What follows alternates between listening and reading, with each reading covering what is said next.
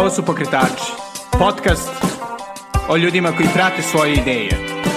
Ja sam Srđan Garčević. Dobrodošli. Ćao i dobrodošli u najnoviju epizodu Pokretača. Današnji gost je Uroš Milosavljević koji sa svojim bratom Markom pokrenuo Young Salt Gin. Jedan zaista upečatljivi e, craft gin koji se proizvodi u Beogradu, sve prisutniji jeli po gradskim barovima i restoranima, a vrlo prepoznatljiv po svojom prelepom pakovanju u crnim bocama. Sa njim sam pričao pre svega o tome kako je njegova karijera ekonomiste pomogla ili odmogla u pokretanju biznisa, o značaju dizajna, ali i uopšte o našem tržištu craft džina i uopšte e, zanatskih proizvoda.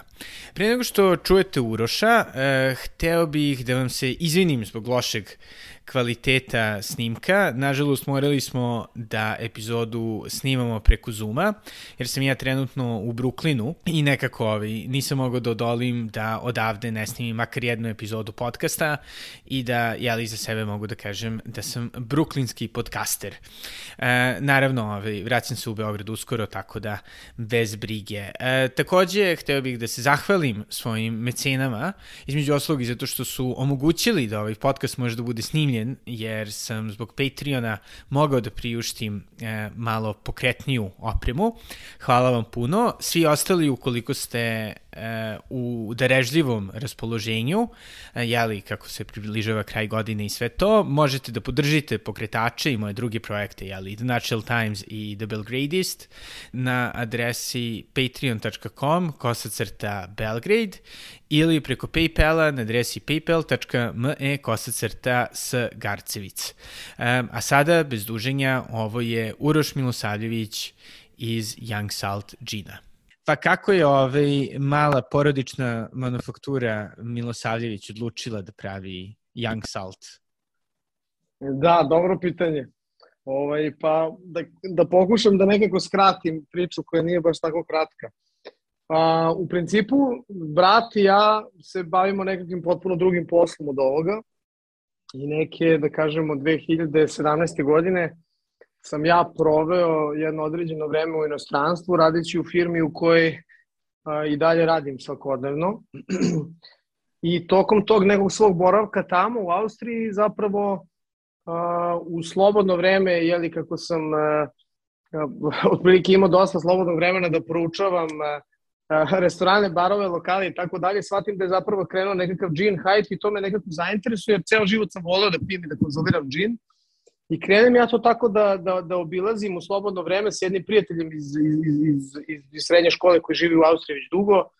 Krenemo da obilazimo male destilerije u Austriji, da se malo raspitujemo i da se informišemo vezano za proizvodnju, ali u tom trenutku onako to prilično besciljno, da kažem, više tako iz nekakve radoznalosti.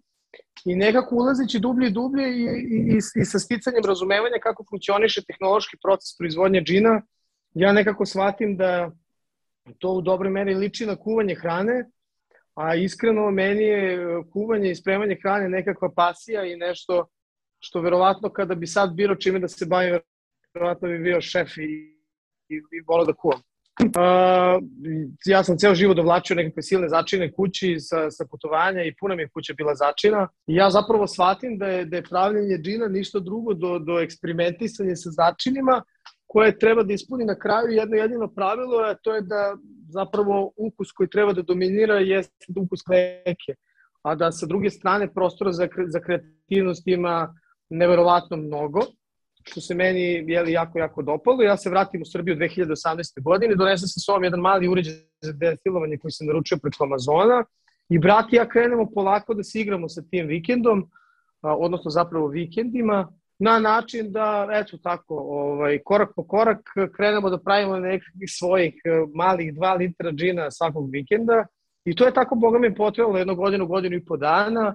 Umeđu vremenu mi ulazili malo dublje, dublje, jeli sve dublje, dublje u tematiku, putovali po regionu, poznavali drugi ljude koji to rade, nosili nekakve uzorke. Ti ljudi e, umeđu vremenu jeli postojali nekakvi naši prijatelji, neformalni konsultanti, da smo malo usmeravali, davali nekakve vrlo konstruktivne savete i posle godinu i po dana to krene nekako da liči na nešto.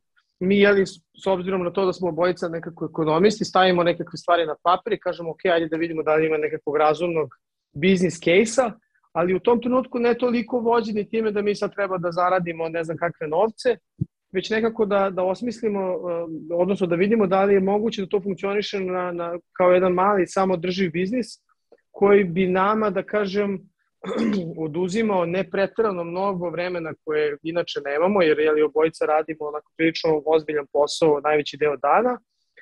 I to nekako tako krene, međutim onda kako to obično biva u životu, kako čovjek uloži puno energije, sad taj posao već počinje, odnosno taj hobi postaje polako jedan mali posao, pa to počinje da na svu sreću uzima sve više i više energije i tako nekako rasti i razvija se ta neka naša priča na jedan, ja bih rekao, vrlo organski i prirodan način. Da, da. I, a u kom trenutku ste odlučili ovaj, da od hobija to zapravo napravite u posao? To jest, ovaj, je postoji neki okidač? Pa iskren da budem sad, ajde ja onako da, da budem potpuno otvoren tu. Ja sam uvek imao i, i brat ja smo uvek imali nekakvu ideju da jednog dana radimo nešto privatno iza sebe, tako da u tom momentu kad je to bio nekakav hobi, mi jesmo razmišljali o tome kako bi bilo lepo da to jednog dana postane nekakav naš mali privatni posao koji bi nam s jedne strane omogućio da, da jeli, provodimo nas dvojica više vremena zajedno i da, da, a sa druge strane opet bilo bi zapravo idealno u tom trenutku je bilo neko naše razmišljanje ako bi to postalo nešto što bi onda imalo neki potencijal da se dalje razvija i, i, i, i da možda jednog dana postane čak i stvarni posao iz te nekakve čisti ljubavi i hobija. Tako da rekao bih da korak po korak kako smo mi sticali utisak da taj proizvod počinje, što bi rekli, da liči na nešto i sa nekom spoznajom i, i svešću da to napokon dobija nekakve svoje finalne obrise, a, rekao bi da, da onda već tu nije bilo nikakve dileme da mi želimo to da nekako formalizujemo, zaokružimo i da to dobije nekakav svoj puni smisla. Da, i nekako ovaj, jeli, mi ekonomisti ono, vrlo često bivamo kritikovani da znamo stvari u teoriji, pogotovo, ne daj Bože ako se bavimo konsultingom, ovaj, a zapravo da malo onako e, frljamo u praksi. Ovaj, koliko je tebi tvoje profesionalno iskustvo i uopšte obrazovanje pomoglo uh, u mhm. stvaranju Young Salt? E, pa dobro je pitanje, znaš, zato što ja sad kad razmišljam, s jedne strane, naravno da mi je pomoglo u kontekstu razumevanja financija toga kako treba da bude postavljen jedan biznis koji bi u teoriji trebalo da bude zdrav i da ima nekakve pretpostavke nekakvog održivog rasta i tako dalje.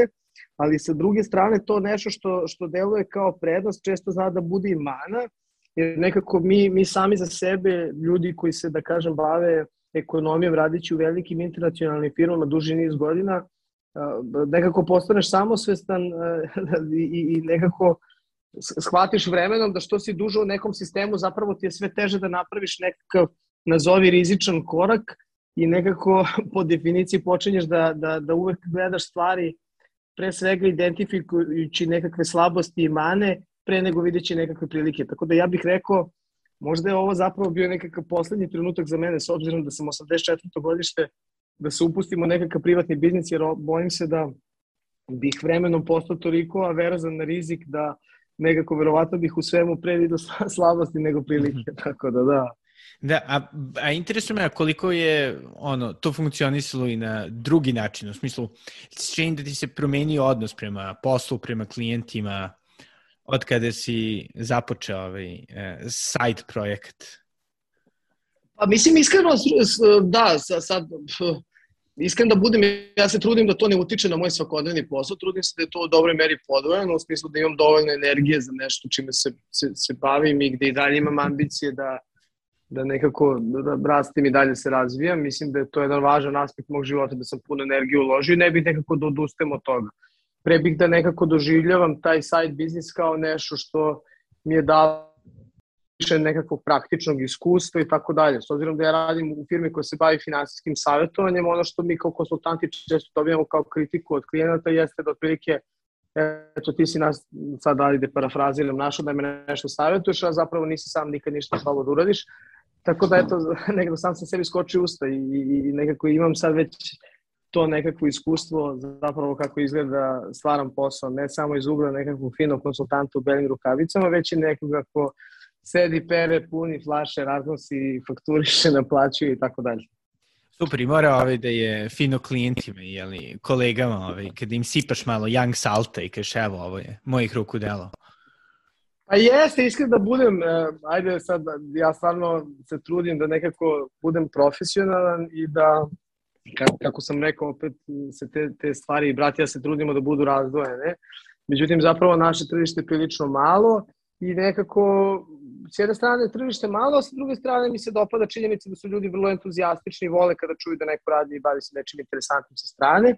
I raduje me što vidim da zapravo puno nekakvih ljudi koji su nas upoznali i ljudi koji sam ja upoznao kroz posao, kada čuju tu neku dodatnu priču koja postoji, onako vrlo se obraduju, puno tih ljudi nas je nekako i podržalo i prosto ta jedna podrška iskreno se osjeća sa, sa, sa svih strana. Moram da priznam da Uh, imam utisak da je meni to jedno praktično iskustvo iz, iz, iz ovog malog privatnog biznisa donelo takođe nekakav dodatni kredibilitet, rekao bih, kod svojih mlađih kolega iz mog tima, je nekako sad opet kao imaju nekog svog nadređenog, koji mimo toga što radi nekoj korporaciji za platu, sa druge strane opet razvije nešto svoje.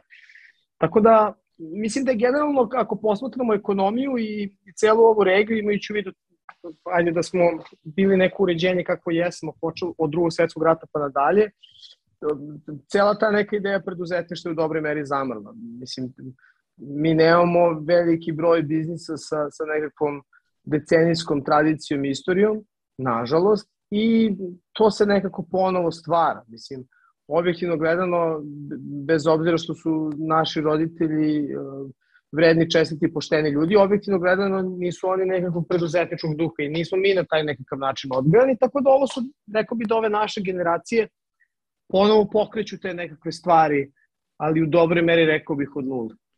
Da, i kad smo ovaj, kod roditelja, interesuje me kakva je bila reakcija tvoje okoline kada si rekao, ok, ajde sada bih hteo da pravim da. destileriju? Pa ne mogu da kažem, njima je to sve, svima ne tako delovalo interesantno. Imam utisak da, da u primah nisu oni verovali da smo mi sad ozbiljni u toj ideji, u smislu da sad to sutra vidimo kao nekakav biznis i nešto čime bismo se u nekom dugom roku možda čak samo možda i time bavili. Tako da rekao bih da je to nešto što je shvaćeno u početku kao nekakav hobi, nešto što je interesantno i sad imam utisak u poslednje vreme da i u njihovim glavama se polako oblikuje ta jedna priča na način da i oni se zamisli, kažu ček, ček, pa ovo postaje ozbiljno i ovo ide i sad smo već čuli da probaje taj, taj, taj, pa smo videli, ne znam, bede tu i, ne znam, na, na više mesta i mislim da je to sad i kod njih izaziva jednu dozu ponosa, što mi je naravno neizmano drago. Da, i jedna od stvari koja se jeli baš ističe kod Young Salta je ta vaša prelepa boca ovaj, i nekako uopšte branding. Kako ste tome prišli bivši jeli? Ovaj? Mislim, financije i ekonomija često umeju da budu orijentisani kao na cost cuttingu, a ne... E, pa hvala na tome.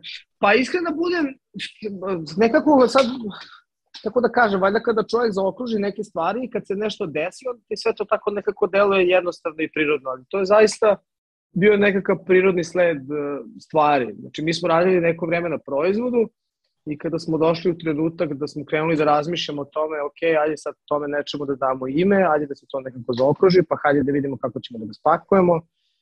Pa zapravo, ok, naravno razumejući ekonomiju, sa druge strane nekako, ajde, ne mogu Marko ime da pričam, ali u svoje ime, mislim, volim, prosto, mislim da imam oko za lepe stvari, nekako bilo mi je važno da ako smo već uložili veliku količinu emocije, energije i truda, da sve to skupo bude zaokruženo na jedan pravi način.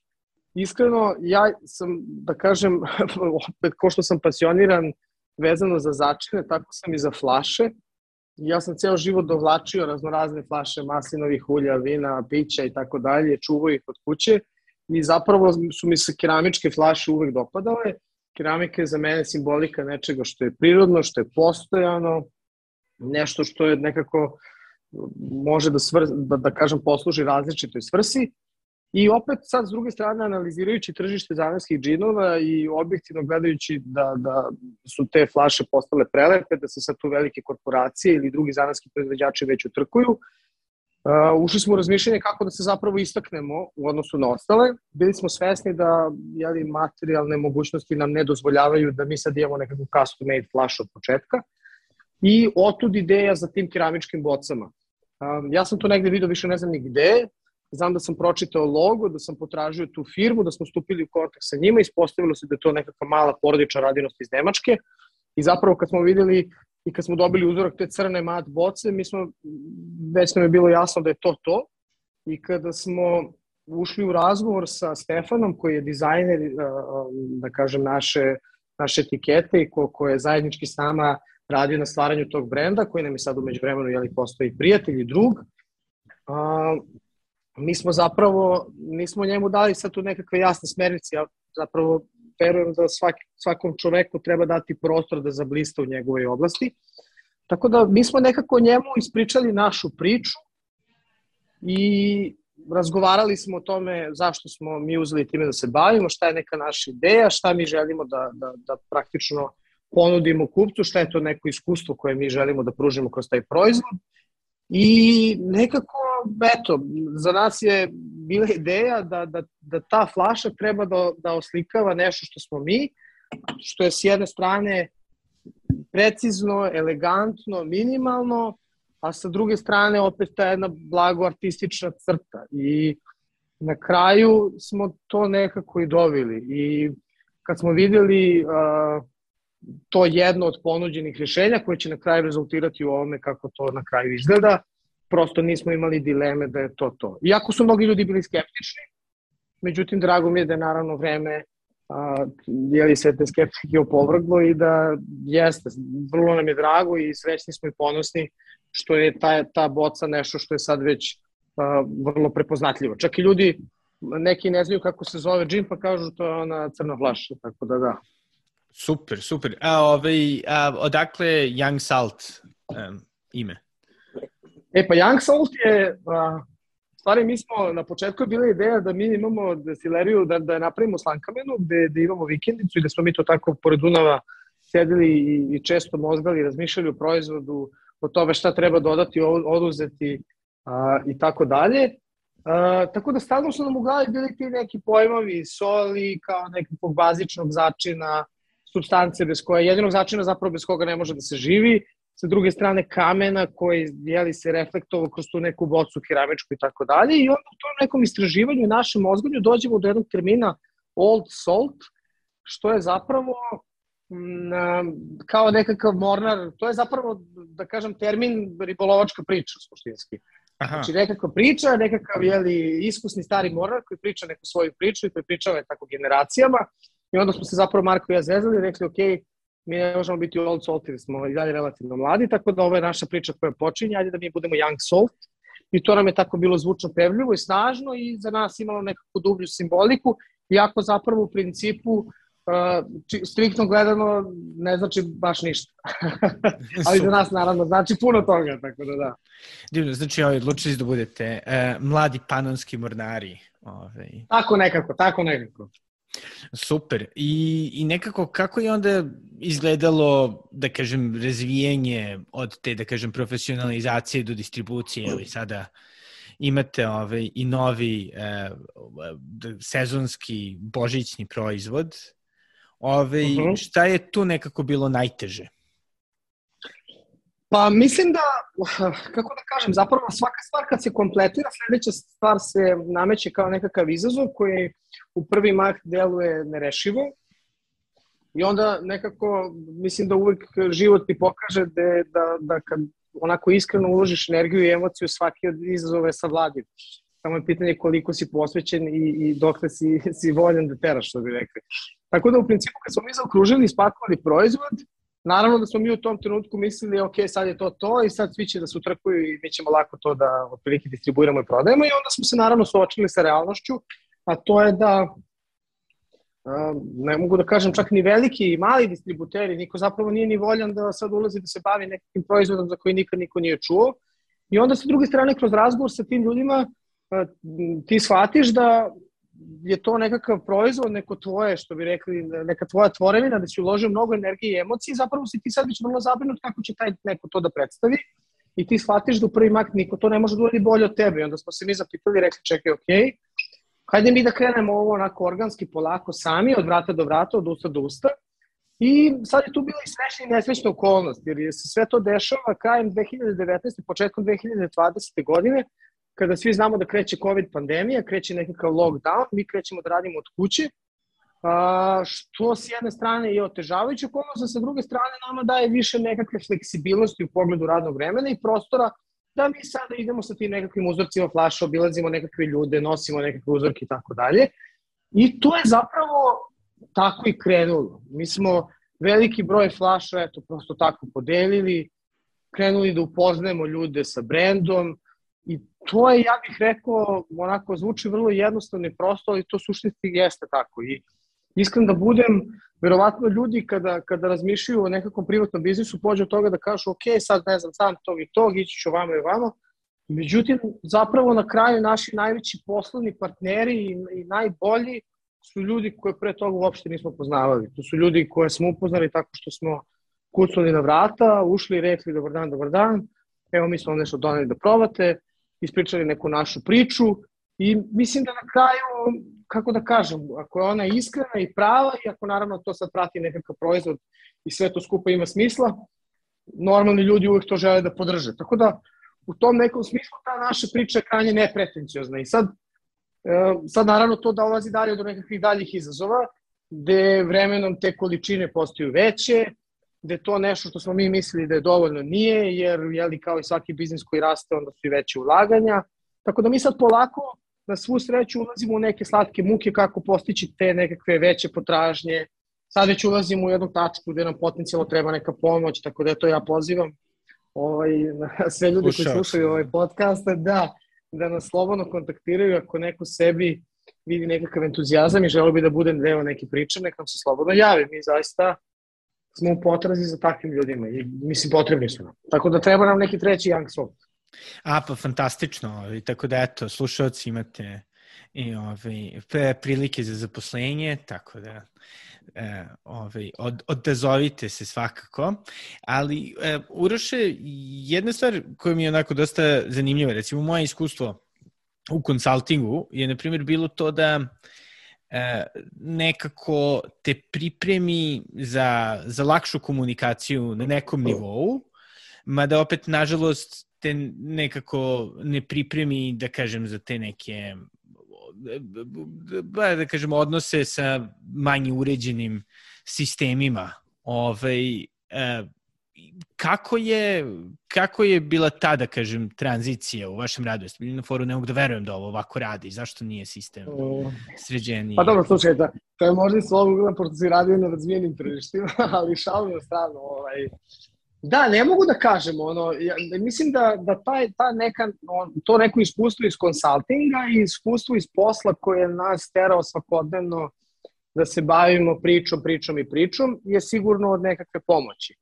U smislu da si na neki način izvežbao kako da istrukturiraš nekakvu svoju priču, nekakav pristup, ali na kraju krajeva mislim da mislim, ne možeš ti da prevariš ljudi, ne možeš ti da nabiflaš nešto ako to nije iskreno i ako nije iz duše i srca. Tako da, da, s jedne strane, sigurno da je bilo nekakve pomoći, ali sa druge strane, mislim da je neko ko, se, ko nema nikakvo iskustvo u konsultingu ili nema iskustvo u bilo čemu drugom, ako je iskreno uložio nekakvu emociju, trud, želju i želi to da predstavi nekom drugom, mislim da će taj neko drugi, ako je dovoljno zainteresovan i potrudi se, sigurno to razumeti i videti.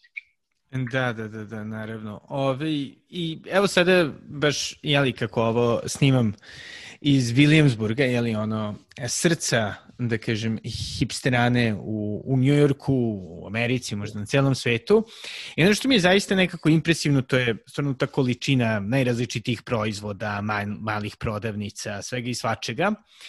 E, I mhm. nekako samo, jeli, ima veze sa činjenicom da ljudi imaju i dosta više novca koje mogu da, koji mogu da potroše uh, na razne stvari. Ove, jel ti se čini nekako ono da u Srbiji ili, ajde da kažem, šire u regionu, e, postoji nekako, da kažem, dovoljno novca, dovoljno tržišta za, za proizvode poput Young Salta?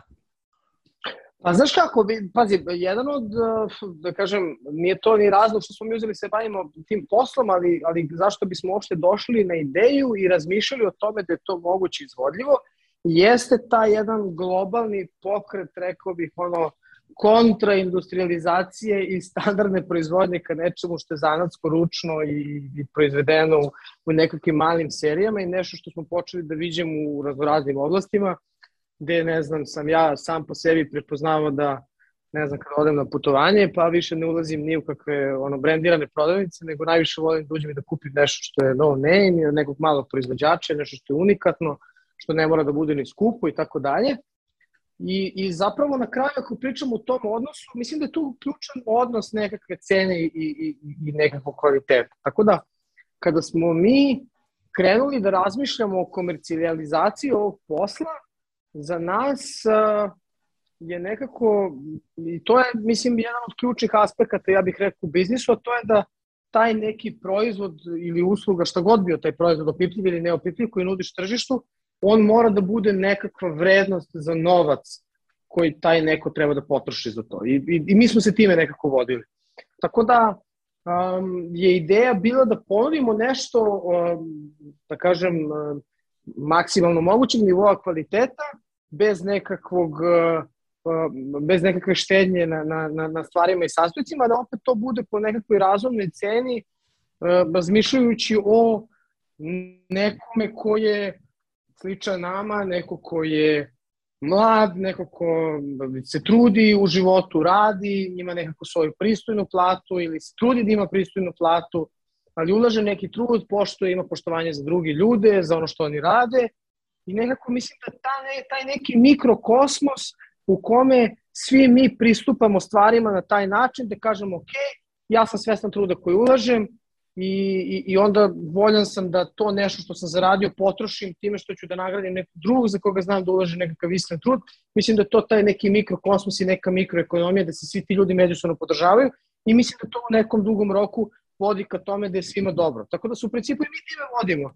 A, ne mogu da kažem, nama jeste olakšavajuća okolnost delimično to što je nama to neki dodatni posao, pa nam u ovom datom trenutku ne predstavlja neko moranje da od toga trenutno mora da se živi, ali sa druge strane nam omogućava da, eto što bi rekli, ne budemo alavi na profitnu marginu i sad kako god delovala javnost i naša cena, u našim očima ono onako vrlo razumna kompenzacija za ono što taj neki naš proizvod pruža i pre svega neka kompenzacija za to što će nama kao maloj firmi omogućiti dalje da na jedan održiv način raste, da ulažu neke nove male projekte, da učestvuju na sajmovima i tako dalje, pre nego da sad omogući Marko i meni da od toga kupimo automobil. Mislim da smo jako daleko od toga.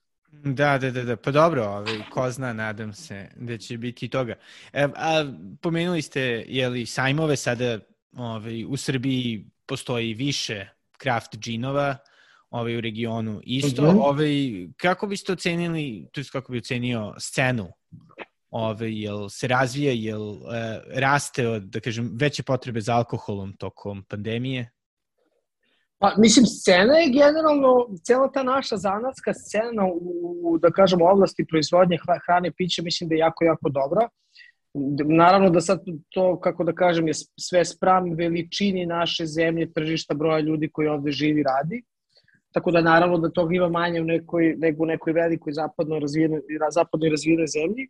Ali sa druge strane mislim da je to, uzimajući obzir sve okolnosti, vrlo, vrlo dobro. Mislim da ovde ima jako dobrih proizvoda. Ako pričamo konkretno o džinu, na zapravo jako raduje da je tu sve više i više proizvođača. Mi smo čak vrlo voljni kada god čujemo da je neko nešto izbacio, baš želimo da upoznamo te ljudi, mislimo da je važno da se međusobno povežemo, zato što u nekom dugom roku mislim da svi mi pomažemo jedni drugima. Mislim, ja ću samo sad navesti jedan primer, mi kad smo krenuli da se bavimo ovim 2019. godine u celu Srbiju uvezeno, ne znam, 100.000 litara džina i to je bilo celo tržište naše zemlje. Mislim, to je sad, ajde da kažem, slušalcima malo znači ako se ne stavlja neki, neki širi kontekst, ali rekao bih to je breda veličine kao što prodaju dve destilerije rakije za godinu dana.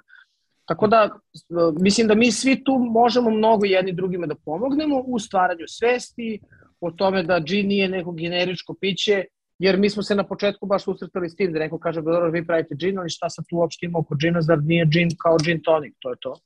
Što je naravno nama bilo smešno, ali to je to stvaranje nekakve svesti, to je kao i oko zanatskog piva, i na kraju, ne znam, evo sad najveću, ni taj kabinet ne bi na kraju bio taj kabinet da se umeđu vremenu nije pojavilo još, ne znam, 10, 20 ili 30 ili 50 nekakvih zadanskih pivara koji su stvorili nekakvu kritičnu masu ljudi koji jeli, posmatraju e, to neko piće i, i proizvodnju piva na nekakav jedinstven način i, i kreću da imaju poštovanje za tu vrstu proizvoda i onda nekako iz svega toga svima na kraju bude dobro. Tako da u vezi sa džinom, ne znam, mi već, već duže vreme pričamo i sve se nekako nadamo da će se ova cijela situacija oko COVID normaliti. Mislimo da je Beograd e, sazreo za jedan dobar zanatski džim festival gde bi učestvovali i lokalni proizvođači, regionalni proizvođači i to je na kraju, kako da kažem, taj jedan kvantitet iz koga će se izroditi kvalitet iz koga ćemo svi mi biti bolji. Ovo je na kraju rekao bih, jedan put gde niko od nas nema prostor da se sad nešto uljuljkava, sve je stvar nekakvog progresa i sve može da bude samo bolje vremena ako čovjek ulaže energiju tu. Da, i ovaj, ono, u idealnom slučaju, gde vidiš Uroše Young Salt u narednje dve, tri godine? Da, u naredne dve, tri godine volao bih da vidim Young Salt prvo prisutan u svim zemljama regiona. To su za početak nekako zemlje bivše Jugoslavije, to mi je najlogičnije. Mi na kraju krajeva pričamo svi isti jezik i u principu smo, da kažem, isti. A, a onda naravno volao bih da, da, da vidim Young Salt koji a, a, probija dalje nekakve granice i postaje nekakav prepoznatljiv brend Beograda i Srbije van granica ove zemlje. A, kako da kažem, mi smo, naši planovi jesu ambiciozni u nekom dugom roku, mislim da dve, tri godine nije tako dug vremenski period, ovaj, ali rekao bih korak po korak, za godinu za godinu. Da, jel postoji neki, ovaj, da kažem, novi začin ili ukus koji te sada posebno intrigira, pošto si, ali sam rekao da si foodie? Pa da, znaš kako, ono, ja sam u stvari inspirisan uvek e, nekakvom sezonalnošću i tu nekako crpim tu svoju inspiraciju i, i onda u na, raznoraznim naletima me inspirišu različite stvari. A, to ne znači da se to nužno uvek reflektuje kroz nekakav proizvod, ali neretko se i reflektuje. Evo, primjera radi, prošle godine ja sam u tom svoj, inače moja, moja food i strast se paralelno i dalje razvija sa džinom, tako da ja i dalje dosta kuvam i kupujem začina i bavim se time sa strane. Mm -hmm ali uh, sticam okolnosti pre godinu i nešto dana u tom nekom svom istraživanju začina, probam tonku u, u nekoj kombinaciji sa, sa nekom hranom i to je bude jako interesantno i, i, i mi krenemo sa tim da se igramo i zapravo kroz korišćenje tonke i nekakvih zimskih začina prošle godine uspemo da dočaramo taj neki ukus koji za mene je ono personi, kako da kažem, simbolizuje neki Božić ovaj, i, i, i sve ove neke zimske praznike, i neki sneg, i neku vatru, i neku toplinu, i, i, i okupljanje porodice oko nečega i, i to nam bude vrlo interesantno i tako negde nastane i neka ta naša zimska edicija džina. Sa druge strane, ima mnogo nekakvih primjera nečega što nismo uspeli da sprovedemo u delo, ne znam. Uh, pre, ja, kako sam stvarno ljubitelj zananskog piva, imao sam naviku da idem u samo pivo stalno, samo pivo, ne znam, za ljude koji slušaju podcast koji su bili u Balkanskoj ulici u Beogradu. Da, isto velika smo, i, bili intervjuisani ima... na podcastu alu, ovi, ognjeni, alumni Aha. A, bravo, super, nisam znao.